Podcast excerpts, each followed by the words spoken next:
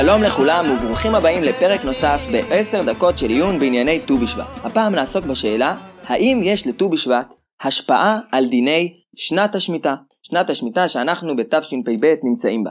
ברור לכולם שדיני עבודת הקרקע וגם דיני עבודת האילן מתחילים ומסתיימים באחד בתשרי. השאלה היא האם יש השפעה לתאריך ט"ו בשבט לגבי דיני קדושת פירות שביעית. האם פירות שחנתו אחרי אחד בתשרי של שנת השמיטה, אבל לפני ט"ו בשבט, קדושים בקדושת שביעית. מה הדין בפירות שחנתו בתחילת השנה השמינית, אבל לפני ט"ו בשבט של השנה השמינית? האם הם קדושים? הרמב"ם בהלכות שמיטה ויובל בפרק ד' קובע באופן כללי שבאחד בתשרי ראש השנה לשמיטין וליובלות, שזה ציטוט של המשנה בתחילת מסכת ראש השנה, ומיד הוא ממשיך וכותב על פירות שביעית שנכנסו לשביעית, שאם הגיעו לעונת המעשרות, כזכור עונת המעשרות היא הכנתה לפי שיטת הרמב"ם, אם הם הגיעו לעונת המעשרות קודם ראש השנה, מותרים, ואין בהם קדושת שביעית, למרות שהאדם אוסף את הפירות הללו בשביעית. רק אם הם באו לעונת המעשרות אה, בתוך, רק אם הם באו לעונת המעשרות לאחר ראש השנה של השנה השביעית, רק אז הם קדושים בקדושת שביעית. אז יוצא אם כן באופן פשוט, לפי שיטת הרמב"ם, שאין לט"ו בשבט שום השפעה על קדושת הפירות. כל מה שחנת אחרי אחד בתשרי של שנת השמיטה, קדוש בקדושת שביעית. ולהפך, מה שחנת אחרי אחד בתשרי של השנה השמינית, גם לפני ט"ו בשבט, לא קדוש. זו השיטה שהיא גם השיטה העיקרית הלכה למעשה, בין היתר נקטו בה גם הרב קוק בשבת הארץ, גם החזון איש, בחידושיו לשביעית. והשאלה היא, מה טעם הדבר? למה באמת אין לט"ו בשבט השפעה על דיני קדושת שביעית? להבנה של העניין הזה, החזון איש רמז בקצרה, ומי שהרחיב בו עוד יותר הוא רבי יעקב קנייבסקי בספרו קהילות יעקב, בסימן הראשון שלו למסכת ראש השנה. אומר הקהילות יעקב, קדושת פירות שביעית היא מכוח קדושת הארץ. כיוון ששבת הארץ היא מתשרי עד תשרי, אז ממילא גם הפירות שנוצרים, חונטים, בזמן הזה שמתשרי עד תשרי, קדושים בקדושה המיוחדת של הארץ בשנה השביעית. דווקא לגבי עורלה, לגבי מעשרות, שעסקנו בהם בפרקים הקודמים, שם יש מערכת עצמאית של דיני פירות האילן. דינים של האילן, של פירות האילן, שאין להם שום זיקה אל הארץ, אל הקרקע, באופן כללי יותר. אז שם יש מערכת עצמאית של פירות האילן, שמתחילה בט"ו בשבט ומסתיימת בט"ו בשבט. זו השנה של האילן. אבל לגבי שמיטה, הדין של הפירות, של קדושת הפירות שביעית, הוא לא דין עצמאי. הוא חלק מהמערך הכללי של קדושת הארץ, והיא נקבעת הרי לפי ראש השנה של תשרי. האמת היא שההסבר הזה הוא הסבר מצוין, דווקא הם מבינים את עניינו של ט"ו בשבט, כמו שיטת רש"י והרמב"ם, שכמובן כאן בסוגיה הזו שלנו הולך לשיטתו, שעסקנו בה בפרקים הקודמים. ראינו שלפי השיטה שלהם, ט"ו בשבט הוא באמת תאריך עצמאי, הוא באמת ראש השנה לאילן. שנת האילן מתחילה בט"ו בשבט, כיוון שאז מתחיל הזמן של גידול הפירות, ברוב ככל העצים שגדלים בארץ. וממילא מובן מאוד שלגבי שביעית, שלא שייך לדבר על מערכת עצמאית של האילנות, אז אנחנו נקבע את הדינים של קדושת הפירות לגבי שביעית לפי המכלול של שבת הארץ שהיא מתחילה כבר באחד בתשרי. זה בשיטת רש"י והרמב"ם, זה מצוין. אבל לפי שיטת התוספות שראינו בפרקים הקודמים, ראינו שנוקטים בה גם בעל המאור והר"ן, השיטה שלהם היא שט"ו בשבט הוא בעצם לא תאריך עצמאי, הוא לא באמת ראש השנה לאילן, אלא הוא רק סימן, כלשון הטורי אבן, גילוי מילתא בעלמא. סימן שקובע שכל מה שחנת עד אליו, עד ט"ו בשבט, בעצם שייך לשנה שלפני תשרי. כי עיקר הגידול שלו הוא מכוח מה שהיה לפני תשרי, מכוח הגשמים של השנה שעברה. לפי ההבנה הזו, היה מקום גדול לומר שבאמת כן תהיה לט"ו בשבט השפעה על דיני שביעית. הרי לשיטתם כל פרי שחנת לפני ט"ו בשבט בעצם נחשב כמו פרי שחנת לפני תשרי, לפני כניסת שנת השמיטה. מסתבר מאוד שהוא לא יהיה קדוש. כמובן גם להפך. פירות של השנה השמינית. הגיוני מאוד לומר לשיטתם, שפרי שחנת לפני ט"ו בשבט של השנה השמינית כן יהיה קדוש בקדושת שביעית, כיוון שעיקר הגידול שלו הוא מכוח השנה הקודמת, השנה השביעית. באמת, מצינו כמה מקורות שאפשר ללמוד, ללמוד מהם שיש שיטה אחרת, שחולקת על הרמב"ם, והיא מתאימה לסברת התוספות והר"ן לגבי המהות של תאריך ט"ו בשבט. לפי השיטה הזו באמת, פירות שחנתו לפני ט"ו בשבט של השמיטה לא קדושים, ולהפך, פירות שחנתו בתחילת השנה השמינית. בספרה, מדרש ההלכה לספר ויקרא, בתחילת פרשת בהר, פרשיית השמיטה, יש דרשה שאכן זו המשמעות הפשוטה שלה. כיוון שיצאת שביעית, אומר הספרה, אף על פי שפירותיה שמיטה, מותרת לעשות מלאכה בגופו של אילן. אבל פירותיו אסורים עד חמישה עשר בשבט.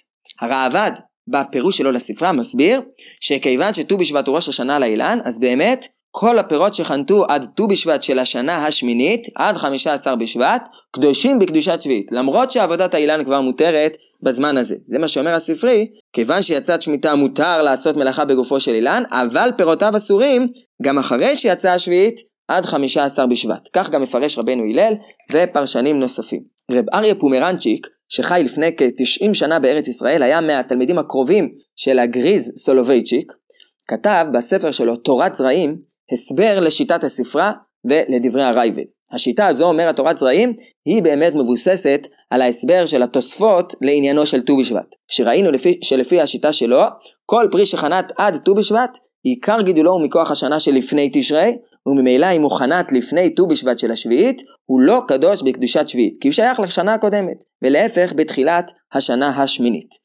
הוא מביא שכמו השיטה הזו נוקטים גם רבי נתן מרומי בעל ספר הערוך וגם השיטה הזו עולה מרבנו חננאל שניהם השיטה שלהם עולה מפירוש לאחת הסוגיות בהמשך מסכת ראש השנה סוגיית בנות שוח ויצא שיש כאן באמת בית אב למה שהעלינו שאמור לצאת לפי שיטת התוספות, הר"ן ובעל המאור. אגב, רב אריה פומרנצ'יק שהזכרנו, הוא נפטר באופן פתאומי בגיל 34, אבל הוא הספיק להותיר אחריו לא רק את הספר הזה, תורת זרעים, שנחשב באמת לספר יסוד בעולם הלמדנות הישיבתית על סדר זרעים, וגם ספר נוסף, עמק ברכה, על ענייני ברכות וסדר מועד.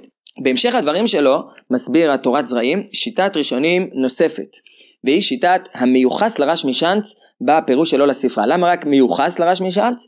הרבה דורות חשבו שבאמת הפירוש הזה לספרה הוא של הרש משאנץ, מחשובי בעלי התוספות, תלמידו של הארי הזקן, אבל היום אנחנו יודעים שהייחוס הזה כנראה לא נכון, וככל הנראה הפירוש הזה נכתב על ידי אחד מראשוני אשכנז, רבי משה תקו, שהיה גם מהמתנגדים הגדולים לשיטה הפילוסופית של הרמב"ם. אז אם כן, המיוחס לרש, רבי משה תקו, בפירוש שלו לספרה כותב, שכל ההשפעה של ט"ו בשבט על דיני שביעית, הוא מסכים שהיא קיימת כמו פשטות הספרה, אבל היא דווקא להחמיר ולא להקל. זאת אומרת, פרי שחנת בתחילת השנה השמינית לפני ט"ו בשבט, שעל זה באמת הספרה מדבר בפירוש, הוא יהיה קדוש בקדושת שביעית. אבל גם פרי שחנת בתחילת השנה השביעית לפני ט"ו בשבט, יהיה קדוש, לפי ההבנה שלו בספרה, בקדושת שביעית. מה ההיגיון בחלוקה הזו? למה שלט"ו בשבט תהיה השפעה דווקא לחומרה ולא לקולה? אומר רב אריה פומרנצ'יק, ההסבר הוא פשוט. כשאנחנו אומרים שפרי שחנת לפני ט"ו בשבט שייך לשנה שלפני תשרי, כמו ההסבר של התוספות והר"ן, זה לא אומר שהפרי הזה לא גדל בכלל מכוח השנה הנוכחית, אלא שעיקר הגידול שלו הוא מכוח השנה שעברה. לגבי מעשרות, כשאנחנו צריכים להחליט אם הפרי חייב במעשרות של השנה השנייה או של השנה השלישית, לדוגמה, אז צריך לקבוע או או, או שנייה או שלישית, ולכן הולכים לפי העיקר. העיקר הוא אם הפרי חנת לפני ט"ו בשבט, מה שהפרי כביכול קיבל ינק מלפני תשרי, מהשנה הקודמת, שאז היה עיקר גידולו. אבל לגבי שביעית, אומר רב ארי פומרנצ'יק, פרי שחנת בתחילת השביעית, בעצם קיבל וינק מהאדמה, הוא, הוא קיבל וינק גם מהשנה השישית וגם מהשביעית. מספיק שהוא קיבל גם מהשביעית, אפילו קצת, הקצת גידול הזה שנוצר בו מחמת, מחמת השנה השביעית, שבה כבר יש שבת הארץ, אז זה מספיק כדי לתת לפרי קדושת שביעית. נכון שעיקר שיוך הפרי הוא אל השנה השישית, אבל אין סתירה שפרי שעיקר גידולו מכוח השנה השישית, תחול בו קדושת שביעית שנובעת מכך שקצת הגידול של הפרי הוא מכוח השנה השביעית.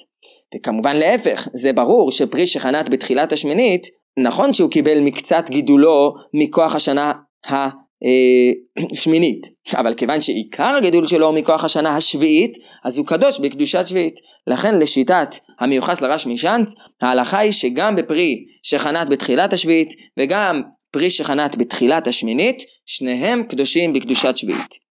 כבר הזכרנו בהתחלה שפסיקת ההלכה המקובלת למעשה היא כפשטות דברי הרמב"ם שלט"ו בשבט אין בכלל השפעה על דיני קדושת שביעית, לא לקולה ולא לחומרה, וקדושת שביעית קיימת רק בפירות שחנתו מראש השנה של תשרי, של השמיטה, עד ראש השנה של השנה השמינית.